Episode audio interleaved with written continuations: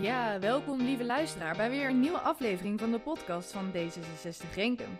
In deze podcast heb ik steeds weer een andere gast bij mij aan tafel, waarmee ik het samen over onderwerpen heb die voor mijn gast heel belangrijk zijn, maar ook voor D66 Renkum. En vandaag bij mij aan tafel Lennart Zandbergen, een nieuw gezicht voor D66 Renkum, dus ik ben benieuwd of ik hem wat beter ga leren kennen. Nou, welkom hier aan tafel. Merci. Ik ben best wel een nieuw gezicht voor D66. Ja, klopt. Ik eh, woon pas een halfjaartje hier in Renkum, in de gemeente Renkum en ook het dorp Renkum. En ik heb me sinds kort pas aangesloten bij de actieve fractie van deze partij. Dus ik ben inderdaad relatief nieuw voor, eh, voor jullie als eh, harde kern. Ja, als harde kern, hoe dat klinkt. Ja. maar eh, ehm, ben je ook al langer lid van de partij? Of, Ja, sinds een paar jaartjes. Ik woonde eerder in Nijmegen en daar was ik ook al bij aangesloten. Ik Ja. heb me daar toen een keer met oud en nieuw voorgenomen om me in te zetten voor iets meer dan alleen maar mijn eigen leven en verder te kijken. En vervolgens heb ik besloten dat eh, D66 voor mij de partij is waar ik wel energie in wil steken. ja, kijk. Dus het, was, het is geboren uit een goed voornemen eigenlijk. Ja, eh. eigenlijk wel. Ja. Dan ben ik wel benieuwd wat je dan straks als goede voornemens hebt. eh. Ja, ja. Maar ik moet wel zeggen, dit is eigenlijk mijn langslopende goede voornemen. Meestal zijn die van tijdelijke aard, maar deze gaat Deze dan best goed. hangen. Ja. Ja, wat goed. En in Nijmegen was je ook actief voor de lokale politiek? Of? Ja, in een iets andere manier dan hier. Hier loop ik echt mee met de raadsleden om eh, te praten over allerlei onderwerpen. Mhm. En in Nijmegen was ik meer betrokken op specifieke onderwerpen. Dus ik hielp ehm, de destijds vice-fractievoorzitter, Luzanne heette zij. Ehm, daar, haar hielp ik met allerlei onderwerpen om samen te schrijven aan een motie of een nieuw eh, voorstel of wat dan ook. Ja, oh, tof. Ja, was leuk. En, en je zegt, nou, D66 was de partij om mijn eh, goede voornemen om ook wat voor anderen te doen eh, in de praktijk te brengen. Ja. Eh, maar waarom dan D66? Nou, ik vind D66 al heel lang aantrekkelijk. Ik heb het misschien ook van huis uit meegekregen. Mijn vader eh, zat in het onderwijs en eh, het is ook wel een onderwijspartij natuurlijk. Eh, zelf heb ik er, denk bijna altijd op gestemd. Misschien hier en daar een uitstapje naar een eh, soms wat naastgelegen partij, maar wel altijd eh, in die trant. En ik vind partij, de partij D66 zo mooi omdat het ehm, iedereen gelijke kansen biedt. En ik weet eerlijk gezegd niet precies wat nu de slogan is van dit jaar. Kun jij het me nog eens vertellen? Zeker, laat iedereen vrij, maar niemand vallen. Ja, exact. En daar kan ik me zo mooi in vinden. Als ik dat hoor, dan denk ik, ja, dat is eigenlijk exact de essentie van waarom ik het zo mooi vind. Ja, Omdat je ja, aan de voorkant iedereen de gelijke kans wil geven. Eh, die eerlijkheid, dat vind ik zo mooi. Om dat Ja. te geven. ja, ja. Ja. En er zit natuurlijk ook nog een stukje van laat iedereen vrij. Dus dit is ook misschien iedereen een gelijke kans om zichzelf te kunnen zijn. En, Ja, eh, ja. Klopt, ja. Ja. Ja, dat eh, onderwerp vrijheid, daar heb ik het wel vaker over met vrienden. Omdat, ja, nu ook in deze tijd, gisteren hebben we weer nieuwe maatregelen aangekondigd gekregen. Ja, En dat onderwerp vrijheid, dat is altijd, ja, iemand zijn vrijheid die is beperkt door de vrijheid van iemand anders die je tegenkomt. Ik vind dat wel het mooi om over te discussiëren, want je kunt het heel breed filosoferen bijna. ja, Wat ja. is vrijheid? Ja, waar houdt dat dan ook op inderdaad? En, en zelfs nog de vraag, is de ene vri- vrijheid van de een belangrijker dan de vrijheid van de ander? Ja, ja. Ehm, nou ja, in principe niet zou ik zeggen, maar dat dan ook nog... Wat is dan eerlijk? Dat, Ja, daar komt het altijd op dat is uit. super lastig, ja. En dan kom je bij normen en waarden en voor je het weet heb je het over opvoeding en cultuur. En ja, zo gaat het heel ver. Maar ja, het onderwerp vrijheid is wel een, eh, een, eh, leuk gespreksonderwerp eh, voor als je een paar drankjes op hebt en even heel breed wilt praten over een onderwerp. Ik heb altijd de regel na drie bier geen politieke gesprekken meer. Oh, maar, maar die is bij jou dus eh, precies andersom. Ja. nou, hopen dat we het snel weer in de horeca's uit kunnen testen dan. Ja. En ehm, eh, je zegt dus vrijheid en ook het gelijke kansen. Dat, dat vind je dus heel belangrijk aan... aan dat, dat is de reden waarom je voor D66 hebt gekozen. Ja. ja. Nou, een kleine anekdote. Ik heb wel eens met een vriendin, met Oud en Nieuw was het volgens mij, erover gesproken. Zij is fervent aanhanger van een andere politieke partij, die wat meer neigt naar gelijke uitkomsten. En ja, dat is dan ook wel weer mijn blik daarop. Eh, gelijke kansen wil niet zeggen gelijke uitkomsten voor mensen. En daarmee bedoel ik, je, als je het speelveld eerlijk houdt, eh, vergelijk het met een voetbalwedstrijd. Zolang de scheidsrechter eh, eerlijk is, de beslissingen onafhankelijk van wie de verkeerde hoe noem je dat, overtreden, overtreding maakt, maakt niet uit. Als de scheidsrechter eerlijk is, is het goed. En ik wil dat wij in Nederland ook zo met, met anderen omgaan. Eh, het kan wel alsnog zo zijn dat één partij wint met 5-0. Of Ja, met- precies. met 2-1 maakt het maakt niet uit. Maar eh, sommige politieke partijen streven er dan naar om de uitkomst van die wedstrijd gelijk te maken. En dat vind ik weer niet per se nodig. ja. Eh, iedereen heeft verschillende kwaliteiten en kansen. En als je, daar, ja, als je erg goed bent in iets, dan mag je daarin excelleren. En dan, ja, dan gaat het vaak over beloning en, en salaris en dergelijke. Ja, dan vind ik dat tot in zekere mate ook wel verdiend door mensen. Ja, precies. Dus dat zit hem ook wel in het eerste deel van die slogan van laat iedereen vrij. Dat, ook, dat je ook de vrijheid hebt om jezelf te ontplooien. Ja. Ehm, en ook als dat betekent dat dat dan meer, result, eh, meer resultaat oplevert dan iemand anders die dat doet. Ja, zo denk ik altijd over ondernemerschap. Dat zijn eh, mensen die nemen wel vaak een risico. Je gaat een eh, investering aan, je gaat een significant deel van je tijd ergens insteken. En als het dan succesvol is, ja, dan mag je voor beloond worden. Ehm, dan heb ik het echt over ja, leuke lokale ondernemers. Ik heb het niet zo met multinationals, want daar ben ik eh, geen voorstander van. Maar, eh, ja, precies. Dus je, dus je zegt van ehm, we zouden moeten eh, zorgen dat, dat iedereen wel ehm, op een gelijke manier in de wedstrijd kan beginnen. Ja. Ja. Ehm, maar hoe die dan vervolgens gespeeld wordt, dat, dat is echt aan de inzet van de, van de individuen. Ja. Dus bijvoorbeeld bij die toeslagouders, dan worden mensen dus eh 1-0 achtergezet, Ja. bij voorbaat al. Ja. En Dat dat is- dan een voorbeeld hoe we niet gelijke kansen hebben op dat moment. Precies, precies. Ja. Want je wordt dan anders behandeld en dan heb je eigenlijk een scheidsrechter die eh, niet eh, onafhankelijk is. Ja, En eigenlijk hetgene waar het mee begint en al die dingen. Als je de wedstrijd eerlijk wilt beginnen in het leven, dan is onderwijs ook wel weer een heel groot eh, onderdeel daarvan. Dus iedereen zou gelijke kansen moeten hebben voor het onderwijs. En als je dan leest over het onderwerp als uh, bijs... eh, nee, hoe heet dat? Ehm, maar in ieder geval, dat is een manier waarop je eh, naast het onderwijs eh, beter kunt worden in het goed scoren in het onderwijs. ja, En dat is meestal weggelegd voor de mensen die wat eh, beter bedeeld zijn. En daarmee zorg je weer voor een ongelijker speelveld. En dat vind ik dus juist niet gewenst. Ik zou ervoor willen pleiten om dat onderwijs dusdanig krachtig en goed te maken. En de manier van testen, dus de toetsen in het onderwijs, ook zo te maken dat je echt toetst of iemand goed is in iets. In plaats van of die extra, extra huiswerkbegeleiding, dat bedoelde ik, ja. heeft gekregen. Dat vind ik eh, een oneerlijke manier om daarmee om te gaan. Omdat het gewoon niet voor iedereen is weggelegd om dat te kunnen doen. En in Nederland hebben we het heel goed voor elkaar hoor, daar niet van. Maar als je naar in de Verenigde Staten, hoe dat daar gaat met eh, bepaalde universiteiten waar je het beste onderwijs krijgt. Maar dat is alleen weggelegd voor de, eh, de high society. En daardoor krijg je een splitsing in de maatschappij. En dat Ja. vind ik ontzettend zonde. Ja, precies. En het is ook wel interessant wat je zegt van dat toetsen. Ik heb dat ook wel ervaren. Ik was bijvoorbeeld niet zo goed in, eh, in Engels en Duits op de middelbare school. En eh, ik had dus ook bijles om te zorgen dat ik mijn eh, examens daarin wel zou gaan halen. En ik heb, eh, ik heb heel veel geleerd van mijn bijles ook. Ook zeg maar echt over de taal. Maar een groot deel van mijn bijles ging ook over de trucjes waarmee je het CITO-examen zou halen. En ik heb beide examens heel mooi en heel ruim gehaald. Maar ik denk dat dat voor 50% niet door mijn taalskills kwam, maar door het feit dat ik CITO beheerste als Ja. toetsvorm. Ja. Ja, dan, dan moet je wel heel erg... In de wetenschap zeg je altijd meet je wat je wil weten. Dat, Mhm. dat is altijd een vraag die je moet stellen als je de methode vormgeeft voor een onderzoek.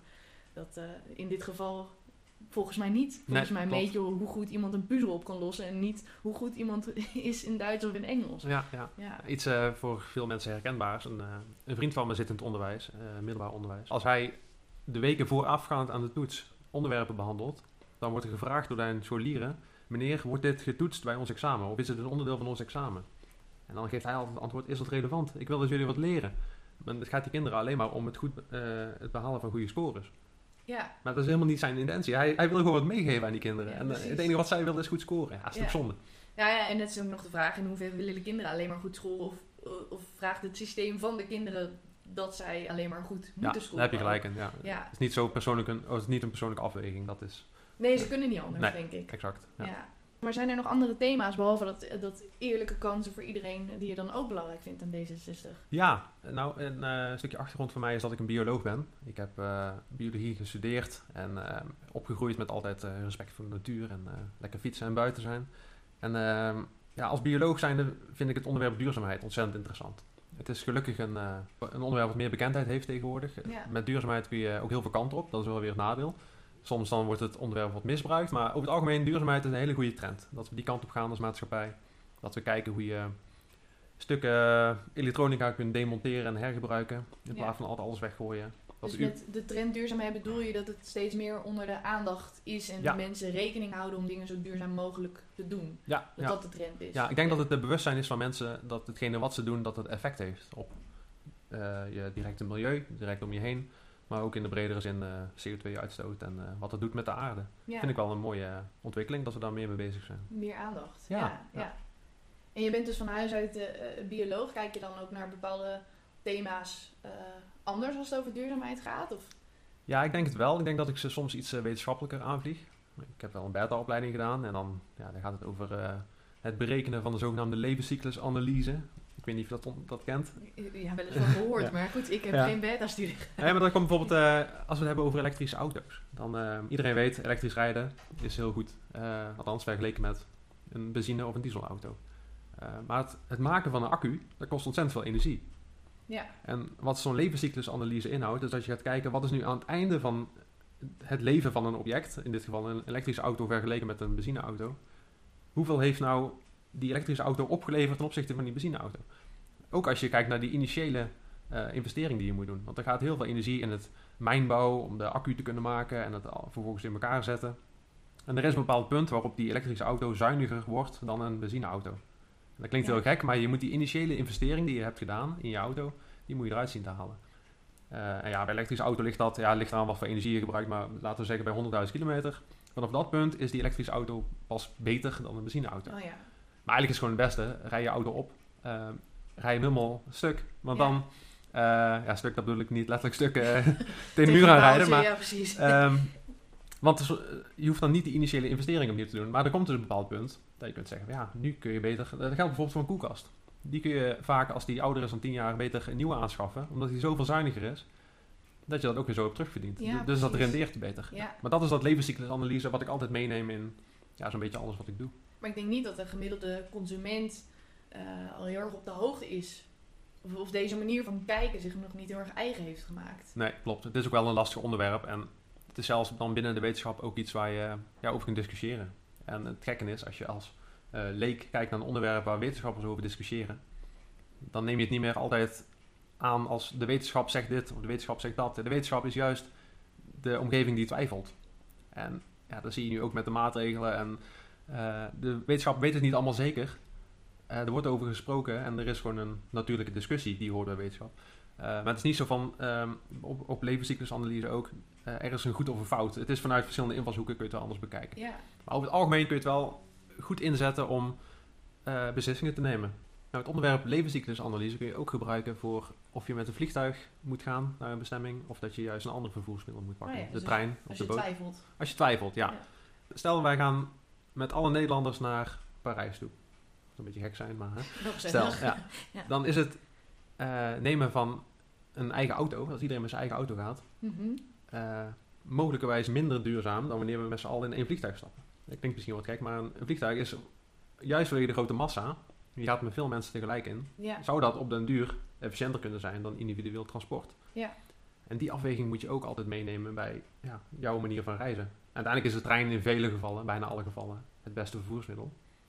En dan kan ik ook alweer over zeggen dat ik zo verbaasd ben dat een trein zo ontzettend duur is vergeleken met een vliegtuig nemen. Dat als je met de trein naar Schiphol gaat, is het vaak duurder om die treinrit daarheen te bekostigen dan jouw uiteindelijke vlucht die je neemt naar bijvoorbeeld Barcelona. Ja, dat vind ik zo bizar Ja, dat dat is. Ja, Ja. Dat is niet echt stimulerend. En dat is ook wel weer een onderwerp wat mij aan het hart gaat. Het, eh, het draagvlak. Draagvlak creëren. En duurzaamheid werkt alleen als iedereen erachter staat. Althans, zoveel mogelijk mensen. ja. Maar als je geen draagvlak hebt, dan gaan mensen het niet uitvoeren. Dan denk je, ja, wat heb ik eraan? Dan krijg je die what's Nee, in it for me. Ja, what's in it for me. Ja, precies. En not in my backyard. Ja, Eh, oh, eh, ja, ja, die sluit daar heel erg op aan. Van, Ja. eh, Ik merk geen profijt van die windmolen die wel in mijn achtertuin staat. Ik heb er alleen maar last van, omdat Ja. mijn uitzicht ineens anders is. ja, ja, ja, klopt. Ja, mijn schoonvader die woont in Zeeland en die vindt de windmolens daar ook niet zo mooi aan de kust. Maar ja, dan zeg ik, als we ze daar niet wegzetten, waar dan wel? Want we hebben ze toch nodig. Ja, precies. Ja. Ik denk dat het- je zegt het van draagvlak, hè, maar ik denk ook wel dat het een stukje ehm, onwetendheid is. Want die analyse die je net schetste, hè, over dat in sommige gevallen misschien het vliegtuig juist wel meer duurzaam is dan een auto. Ehm, en dat je afweging moet maken van welk stukje van de eh, cyclus neem ik om te vergelijken. Dus bijvoorbeeld als je alleen naar de productie van de auto's kijkt, dan is een elektrische auto misschien helemaal niet duurzamer dan de benzineauto. Ja. Maar als Ja. je naar de hele levensduur kijkt, dan weer wel. Ehm, maar dat veel mensen dat misschien ook niet kunnen, maar dat ook veel bedrijven dat wel heel handig framen. Ja, klopt ja. Een benzineproducent zal altijd zeggen van... ja, maar als je alleen maar naar de productie van de auto kijkt... dan eh, scoort deze auto helemaal niet slecht. Ja, ja. Dat, eh, Ja, inmiddels hebben elektrische auto's wel een dusdanig goed imago dat dat niet meer zal lukken bij de, eh, zeg maar de ouderwetse autoproducenten. Maar, ehm, nee, maar klopt, het, het, wordt misbruikt. Ik, van de week viel mijn oog op een verpakking waarop stond een duurzamere verpakking. Er stond er letterlijk op, dit is een duurzamere verpakking. Ja, dan zoek het juist de referentiekaart. Ja, toen dacht ik, Dan, ja. hoezo dan? Ja. ja, vorige week hoorden wij het nog asbest in. Nee, ik weet niet. Iets, eh, Het zou maar gebeuren. ja. Nee, maar dat, eh, ehm, het is altijd, die, die dingen komen met heel veel eh, aannames en er komen heel veel getallen en data bij. En dat is ja, voor, eigenlijk voor iedereen onbevattelijk. Het is zoveel gegevens en je kunt het zo sturen dat je denkt, oh ja, dat klinkt op zich wel redelijk. Maar als je dan het hele plaatje ziet, pas dan weet je hoe het zit. Ja, en het hele plaatje, dat is misschien ook wel ehm, over dat eerlijke kansen. Iemand kan pas een, een eerlijke afweging maken en dus de kans krijgen om een goede keuze te maken als hij het hele plaatje ziet. Ja, ja dat vergt heel veel kennis. Ja. Ja, ja, misschien wel onmogelijk. Ja, ik denk wel. Ik denk dat het ook wel de rol van de overheid is om het dan ehm, het informatiepakket zo ehm, hanteerbaar, of moet ik het zeggen, lekker leesbaar mogelijk te maken. Dat dat Ja. begrijpelijk is voor iedereen. Eh, want je kunt niet zelf je onderzoeken gaan doen. Je kunt niet honderd wetenschappelijke publicaties gaan lezen om te kijken eh, waarom de ene keuze beter is dan de ander. Maar ja, je hoopt toch dat de overheid dat voor jou vertaalt en naar een praktisch handboek van eh, hoe moet ik eh, mijn keuzes maken. Ja, precies. Ja. Ja, dus, dus een nadeel van de trend is misschien dat, dat er misbruik van gemaakt wordt. Ja, dat kan. Ja. Ja, eh, maar het, het voordeel is dat er meer aandacht komt en mensen dus misschien een betere keuze kunnen maken. ja, het gaat wel de goede kant op en ik denk, ja, dan kom je met regulering en zo. Dat, Ja, Ik weet niet hoe dat, eh, die autoriteit heet. Is dat de ACM of een andere? Nee, de reclamecodecommissie heet dat volgens mij. Die moet heel scherp zijn op dat soort ehm nonsens uitspraken van producenten. ehm, die iets eh, lijken te doen. eh, insinueren van, oh wij zijn heel goed bezig. Maar in de praktijk dat het niet zo is. Ja, dat de greenwashing moet worden aangepakt. ja, Maar de daadwerkelijke groene ambities, dat is natuurlijk een hele mooie trend. ja. Heel goed. Dus eh, D66 ook staat voor het eerlijke verhaal vertellen, dus het volledige plaatje. Ja. We kunnen dit wel bekostigen, maar dat betekent dat we daar moeten bezuinigen. Dat is Ja. dus ook wel iets waar jij... eh, de verwachtingen scheppen op een eerlijke manier. Dat je als burger weet waar je aan toe bent. Eh, ik kom even weer met een praktisch voorbeeld, maar zonnepanelen. ja, zonnepanelen wordt er vaak geschetst. Het heeft een terugverdientijd van x jaar. Ligt eraan, zes of acht of zoiets. Na zes jaar heb je dus de investering die heb je daaraan terugverdiend. Maar ondertussen zitten we met een stroomnet, en ik weet niet of je dat recent hebt gelezen, wat nogal ehm, overbezet is op sommige momenten. Er Ja. zijn piekmomenten, omdat alle zonnepanelen uit een wijk willen terugleveren aan dat net. En die kan dat simpelweg niet aan, die is overbelast. ja. Met als gevolg dat je zonnepaneel eh, uitgaat, want die kan zijn energie niet kwijt. Maar dat betekent dat jij je terugverdientijd enorm ziet teruglopen. Omdat je een deel van je energie niet kwijt kunt. Dat is natuurlijk heel erg balen als jij zonder dat te weten bent ingestapt in een zonnepaneelproject. Hetzelfde met die saldering die wordt afgebouwd, dat helpt ook weer niet. Ja, dus als eh, Nederlander, als jij wilt investeren in zonnepanelen, want je bent heel goed bezig, je bent met een duurzame gedachte daar ingestapt. En want Ja. jij hebt bijvoorbeeld een flyertje in de briefbus gekregen van een bedrijf die wil voor jou zonnepanelen investeren. ja, en je wil ook wat betekenen. Dus Ja. ja. ja, er wordt een beroep op je gedaan. Ja, dan denk ik, nou, ik draag mijn steentje bij, ik investeer in zonnepanelen. Maar als je dan niet weet dat er een x aantal jaar later eh, een gebrek is op het stroomnet bij jou in de buurt, waardoor jij die investering niet zo snel terugverdient, dan denk je wel even na bij de eerstvolgende keer dat jij zoiets wil doen. Als je dan het verhaal krijgt, ja, isolatie heb je binnen, ja, weet ik het, vijf jaar terugverdiend, dan ga je daarover twijfelen. Dus we moeten vanaf begin af aan iedereen goed meekrijgen daarin. Want als je dat draagvlak verliest, dan kost het zoveel meer moeite om dat weer op te bouwen. Ja, Dus juist die proactieve houding van de overheid, eh, dus wat wij ook als gemeente kunnen doen, is mensen meenemen in dat verhaal. Eh, wat de consequenties zijn als jij een duurzame keuze maakt. Besef dan wel dit en dat. Laatst had ik gelezen dat er een hemelwaterafvoercoach bestaat in de gemeente. oké. ja, dat is een eh, moeilijk woord. Je, je Eh, maar op je visitekaartje ja, staan. Maar Ik struikel erover. Ehm, dat is een adviseur die dan bij jou langskomt om te kijken hoe jij, als je dat zou willen, jouw afvoeren van het regenwater, wat op je dak komt en naar het riool stroomt, hoe je dat zou kunnen afkoppelen, waardoor het regenwater in je eigen tuin terecht kan komen. Een heel mooie ontwikkeling om zoiets te doen, want dan ah, breng je het grondwater meer op peil. Is dat ja, idee, toch? precies, ja. Ja, Want we hebben nu in de zomer vaak hele lange droge periodes. Dus als wij dan het regenwater zelf in onze tuin een beetje kunnen bufferen, opslaan. eh, van de ene kant is het beter voor je eigen tuin of je eigen directe omgeving. eh, maar ook beter voor het riool, want daar komt niet zoveel ja, relatief schoon eh, hemelwater, gewoon regen, eh, doorheen. En ja, dan heb je gewoon minder grote rioolwaterzuiveringinstallatie nodig. Ja. Dus dat is een win-win, dat is echt heel slim. Ehm, maar ja, daar heb je wel hulp bij nodig. Van wat is nu verstandig? Want je wil niet dat je met ehm, eh, een overstromende kelder zit of dat je... Nee, je wil geen meer waterschade terwijl je juist dacht goed te doen. Eh, Precies, precies. ja. Ja. maar dan kun je met een paar tips kun je iemand heel ver helpen. Dus Ja. de gemeente die helpt nu in dat opzicht met informeren als je een bepaalde keuze wilt maken. Gewoon dat een kleine stapje extra, waardoor je iets beter kunt gaan doen. Ik dan wel een tip aan de gemeente, noem dat dan gewoon regenwatercoach. Want dat is veel makkelijker te googlen dan eh, hemelwater. Hemelwater afvoer, ja. Ja, ik kreeg laatst van een vriend, die komt eh, uit eh, India. Die spreekt al heel goed Nederlands, maar die vroeg wel aan mij... Lennart, wat is hemelwater? Ik zei, nou, dat is een terechte vraag. Voor mij is dat gewoon de opsomming van regen plus sneeuw en ijzel en wat dan ook. Precies, alles wat in de vorm van water eventueel van boven naar beneden Ja, kan komen. Maar in Nederland meestal gewoon regen. Ja. Ja, precies. Ja. En dus dit eerlijke verhaal, ik kan me voorstellen, dat is ook een stukje eh, vertrouwen. Dat je erop kan vertrouwen dat je ehm, dat de informatie die je hebt, dat die ook klopt. En, en dat je dus in staat bent gesteld om een goede afweging te maken. Ja. Eh, komt dat voor jou ook op andere manieren nog terug? Ehm, ja, vertrouwen in, in de overheid eh, in de breedste zin. Want je noemde net de toeslagenaffaire al. Die heeft ervoor gezorgd dat mensen wel een flinke deuk hebben opgelopen in het vertrouwen in de overheid. ja, en het is echt weer aan de overheid zelf om dat vertrouwen op te bouwen. Want het lastige met vertrouwen is, en dat geldt ook die, eh, het vertrouwen wat je opbouwt met vrienden of met familie, ja, eh, het kan heel snel worden geschaad.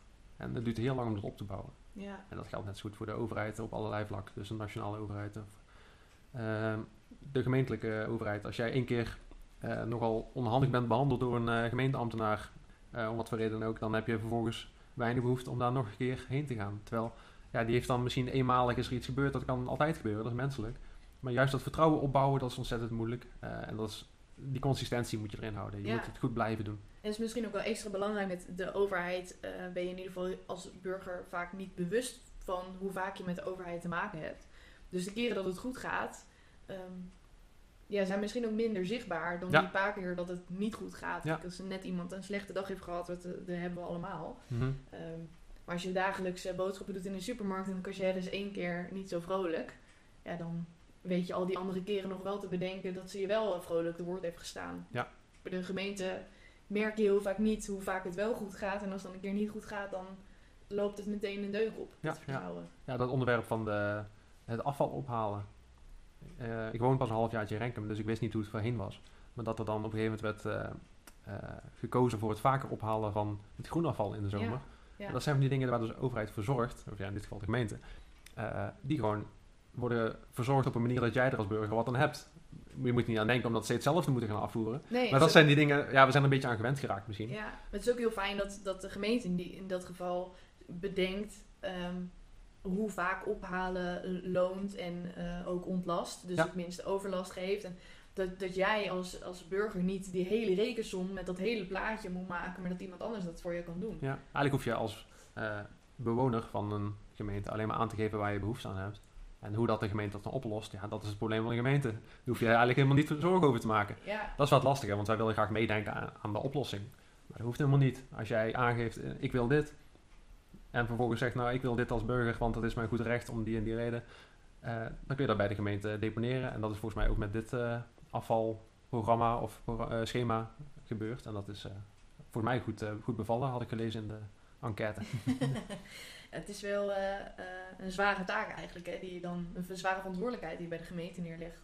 Om eh, te zorgen dat het plaatje steeds compleet is en, en te zorgen dat de behoeften van de inwoners, zeker als die behoeftes ook niet op één lijn liggen, kan ik me Oh, zo voorstellen. Ja, natuurlijk. Ja. De ene straat vindt het misschien heel fijn dat dat, de kliko eh, meerdere keren wordt opgehaald. Maar ja, ik woon hier in een appartement. Ik eh, krijg die kliko in drie weken tijd niet vol. Als in ik heb geen tuin. Dus eh, waarom zou je dat dan vaker ophalen? Ja, ja. Dat is natuurlijk super lastig om Ja. daar dan wel één lijn in te maken. ja, ook de afweging. Ik woon redelijk vlakbij een basisschool.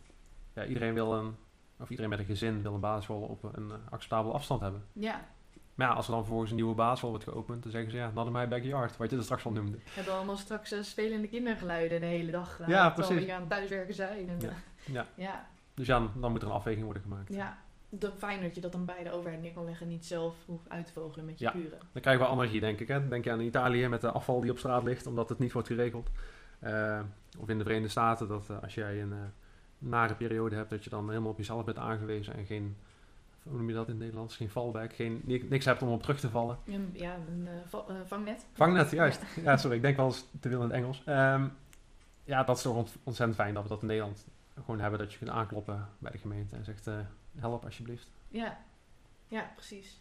Dus nee, ik vind het een, een mooi verhaal zo. Want je zegt, nou, eerlijke kansen om een goede afweging te kunnen maken en dus ook jezelf te ontplooien, heb je ook het volledige plaatje nodig. Ja. En het volledige plaatje is niet altijd als individu goed te maken. Dus dan is het heel goed als je daar de overheid voor hebt om dat dan ja, daarin te ondersteunen om het hele verhaal en ook het, eh, het, het eerlijke hele verhaal te- voor je te zien.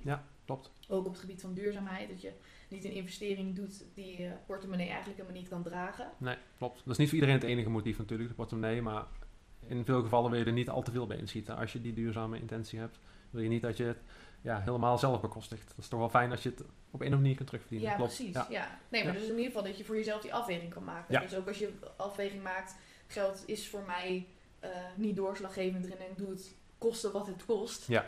Dan, eh, dan moet je dat ook kunnen doen met het hele plaatje natuurlijk. Klopt, Dus ongeacht de uitkomsten waar je al eerder zei. ja. Ehm, en, en dat de overheid dus ook de verantwoordelijkheid draagt om dan soms eh, vanwege het eerlijke verhaal ook een keuze te maken die misschien voor individuen niet altijd Ja. leuk is. En dan is het geven van een degelijke communicatie belangrijk. Dan moet je weten wat er met jouw verzoek is gedaan. Als je hebt aangegeven, ik heb behoefte aan dit of dat. Dat je het door krijgt, nou, dankjewel voor jouw eh, suggestie. We hebben het zo opgelost, want we hebben ook eh, die afweging gemaakt. Dus Ja. dit is het resultaat. Nou, als je daarin wordt meegenomen, in die hele gedachte, die afweging die wordt gemaakt door de gemeente, dan kun je daar volgens mij best wel goed mee leven als er anders wordt besloten. Als je alleen maar nee krijgt te horen zonder opgave van reden, ja, dat is natuurlijk Ja, frustrerend. dat is lastig, Ja. ja. Maar en het is ook verwacht van de overheid dat zij dit soort moeilijke dingen voor ons oplossen. Dus Ja. eh, daar mogen we ook wel wel blij mee zijn. Ja, daar hebben ze ambtenaren voor. Dat is een ambtenarenapparaat die eh, in de gemeente in ieder geval ontzettend hard zijn best doet. Want ze zijn met niet eh, enorm veel mensen. Het is geen oneindige club mensen. Het is een, veel onderwerpen zijn naar de gemeente overgeheveld. En ja, het is aan hen om daar zo goed mogelijk keuzes in te maken. Ook in wat ze precies voor ons uitwerken. Wij als burger. Ja, Eh, nou, en eh, ja, ik, wat ik zei, ik woon hier pas een half jaartje. Maar eh, tot nog toe niks geks meegemaakt. De stoeptegels liggen er nog in. Dus dat is goed. het is goed wonen hier in de gemeente. Ja, precies. En dan komen de verkiezingen er straks aan. Ja, dat is een beetje mijn afrondende vraag. Maar wat betekent dat voor jou? Wat hoop jij te gaan doen na de verkiezingen? Na de verkiezingen. Nou, ik had het nog niet in deze podcast gezegd, maar ik sta op plek 7 voor D66. Een hele mooie plek. Ik verwacht niet dat ik daarmee in de gemeenteraad terechtkom. Maar ik zal zelf eh, zeker mijn steentje bijdragen aan het eh, ondersteunen van de fractie bij alle onderwerpen die de revue passeren. Ik zal proberen, wat ik zei, zoveel mogelijk van die kennis die er is, eh, om te zetten naar een mooi advies voor iemand die wel in de raad zit. Ja, En dan daarmee dat we komen tot een goede beslissingen eh, die worden genomen door de gemeenteraad. En dat we lekker samen kunnen werken met andere partijen die er hetzelfde in staan. Zou ook heel mooi zijn. Zo'n toekomst zeker. zie ja. ik wel tegemoet. super fijn. Ik denk dat de club alleen maar heel erg blij mag zijn met expertise en enthousiasme van jou, eh, wat je brengt. Dankjewel. Ja, nou jij bedankt. En eh, nou, daarmee is er een einde gekomen aan deze aflevering van de podcast. Lennart, bedankt dat je mijn gast wilde zijn. Graag gedaan. Was een plezier. Kijk, mooi zo. En eh, jij bedankt voor het luisteren. Tot de volgende aflevering.